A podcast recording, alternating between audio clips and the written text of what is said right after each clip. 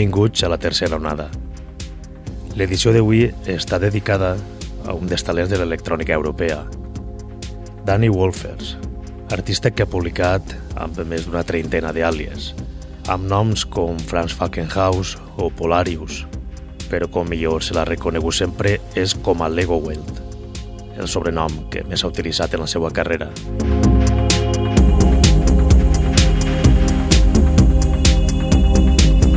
Wolfers es va iniciar com a productor a principi de la dècada dels 90 i a dia d'avui és impossible conèixer el número exacte de referències que té publicades. La seva discografia és extensa, però el que dificulta que es pugui comptabilitzar un número concret és la gran varietat de noms que ha empleat en aquestes dues dècades.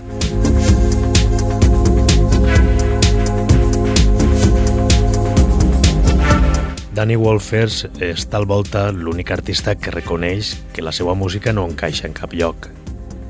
El seu estil és prou autèntic, amb una base un tant estranya però que li funciona. Les influències de Wolfers venen del disco o el italo disco i del house de Chicago, Eixes són les arrels, però després el desenvolupament és més ampli. Gèneres com l'electro són prou significatius en les seues composicions. Diguem que no és un estil neutre, que està obert a una infinitat de possibilitats.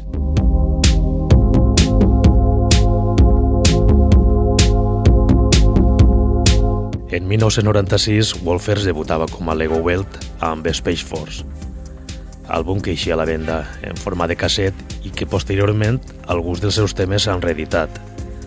Va ser en 2004 amb Dark Days, un àlbum recopilatori que recull els primers temes del productor holandès. Lego Resistance obria Space Force i també Dark Days. Escoltem la reedició de 2004.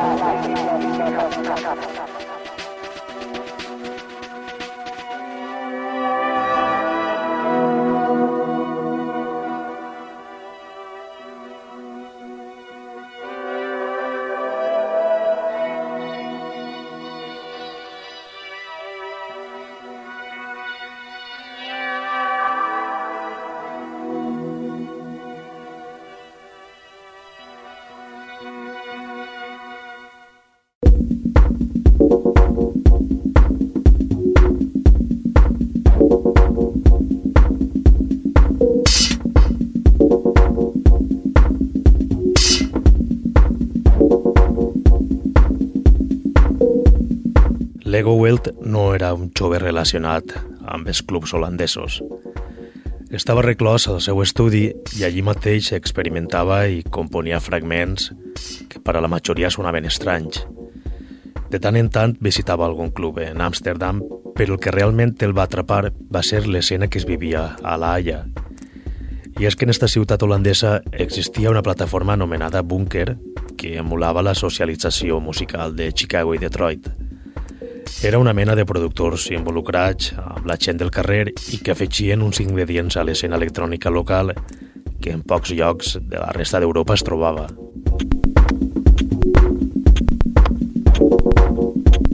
Bunker naix com a discogràfica en 1992 amb l'objectiu de poder llançar el propi treball dels seus components, anomenat Unit Mobius, una mítica banda coneguda com els underground resistants europeus, amb un estil molt influenciat de l'acid house, del Chicago i del techno de Detroit.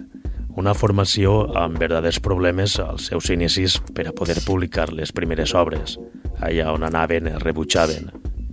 Així que la millor decisió va ser crear-se el seu propi setxell i poder publicar sense censura alguna.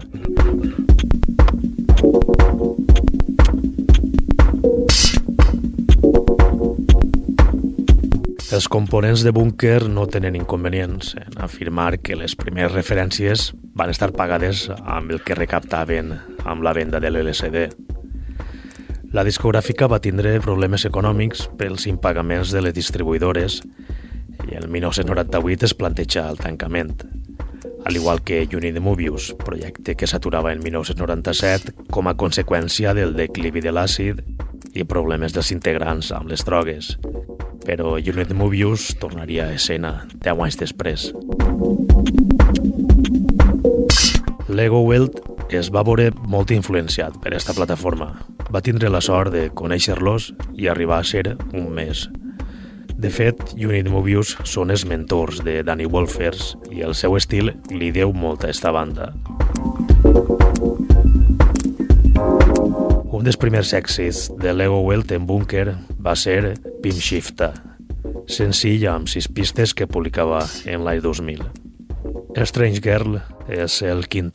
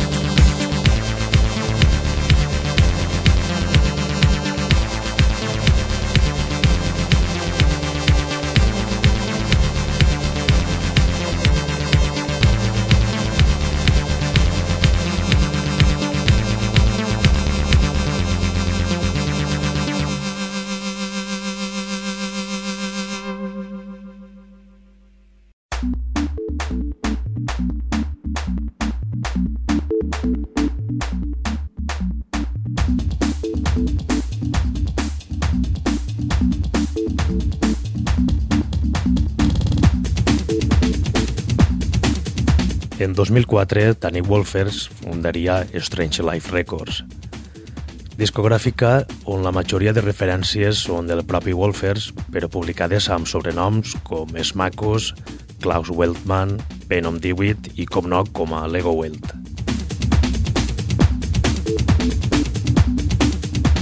Este setxell deixava de funcionar en 2012 i així tot continua sent un dels catàlegs més interessants de l'electrònica europea. Grans treballs han vist la llum en esta plataforma. Un dels més atractius és The Rise and Fall of Manuel Noriega, una mena de llançament biogràfic de qui va ser el dictador de Panamà en la dècada dels 80, pujada i caiguda d'este personatge.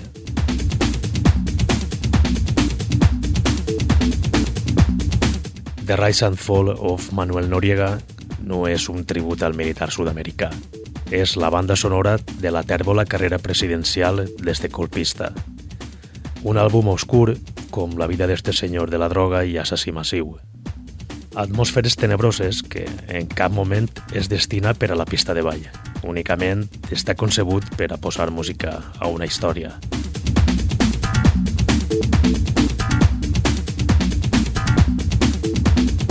Cada pista detalla un moment de la vida del dictador. Pujada al poder, confrontació verbal amb els Estats Units, paisatges selvàtics amb amagatalls per a la droga i el segrestatge, multitud de cadàvers abandonats per la selva, grans tractes de drogues i armes, amenaces dels Estats Units i posterior invasió militar, i finalment l'arrest de Noriega. Una història negra molt especificada musicalment per Lego Welt, de la que triem el quart tall, Darian Gap.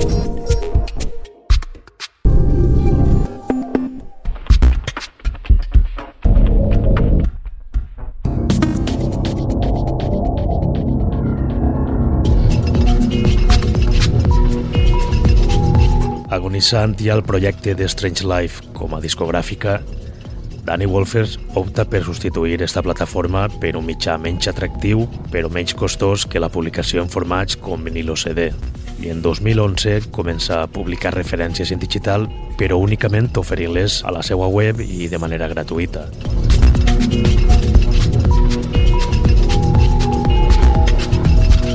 El primer treball que llança en la web és The Tick Life, un dels àlbums més sorprenents de Lego Welt. Un LP inspirat amb el so de Detroit, una autèntica lliçó per a tots aquells productors que en aquells anys apostaven per la moda del minimalisme i el glitch house.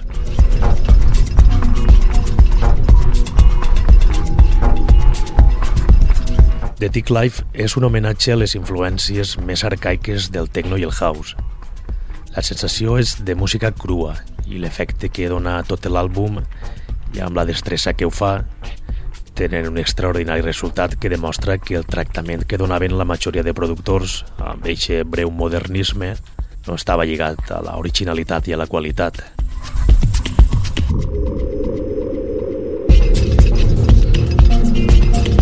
Dare to Dream és un dels temes de The Tick Life, un tema profund amb un domini imponent de les línies de cinte.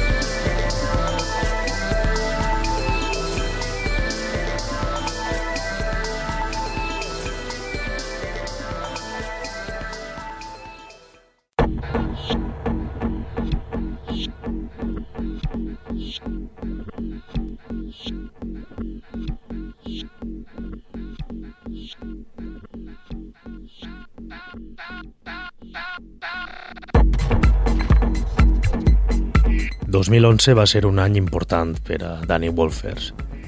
Estrenava la seva particular distribució gratuïta de treballs i al mateix temps li restava menys importància a Strange Life Records fins que un any després aparegués el projecte on tantes referències havia publicat. Però també en 2011 fitxa per un gran setxell, Lies Records, setxell de Ron Morelli que veu en Lego Welt una escapatòria als productors europeus. Lies Records és, junt a Bunker New York, la plataforma més representativa de l'underground de Nova York. Ron Morelli és una institució de l'estil subterrani d'esta ciutat. En el setxell aposta clarament per artistes nord-americans propers al seu entorn, però també per alguns productors europeus, com és el cas de Lego Welt o el francès Boiski. Lego Welt debutava en esta discogràfica en 2011 amb Shark Island Acid i dos anys després tornava amb un altre extraordinari llançament anomenat Teen Romance. Tornava als orígens de l'àcid. Escoltem el tema que li dona nom a aquesta entrega.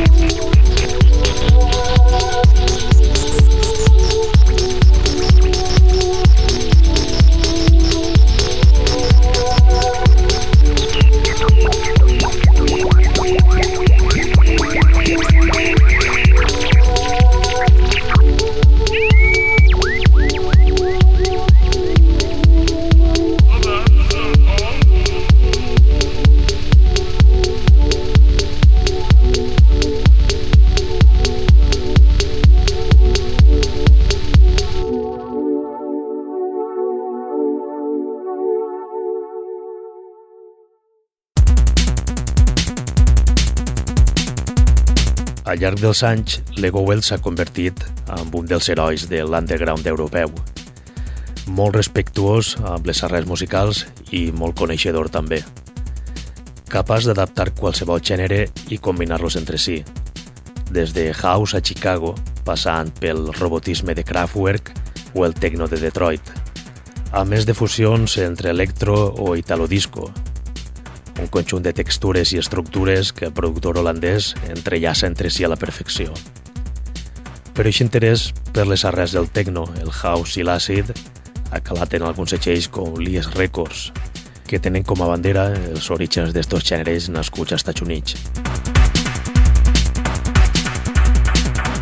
Un altre exemple, i sense anar tan lluny, és la discogràfica madrilenya Riveret, una aposta ferma pel so underground que ja compta amb tres referències del productor holandès. De fet, és el màxim exponent de la plataforma. El propi Lego Well s'encarregava d'inaugurar la discogràfica amb Blue Tears, llançament que es va esgotar ràpidament i es va tornar a llançar diverses vegades.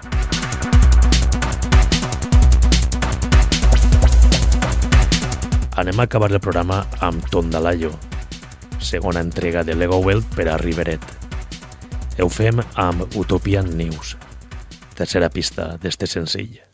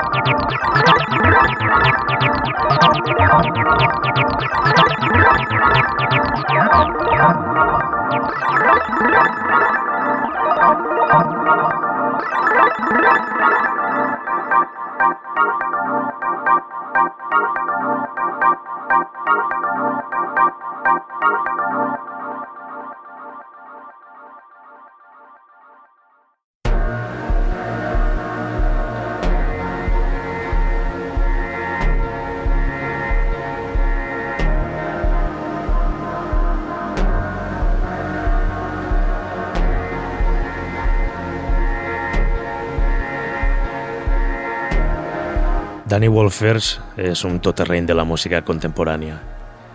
Molt fidel als orígens de la música electrònica, però amb una interpretació única. I amb Lego Welt s'ha llaurat un dels noms més importants del circuit underground. Fins una pròxima edició de la tercera onada. Salutacions de Ximo Noguera.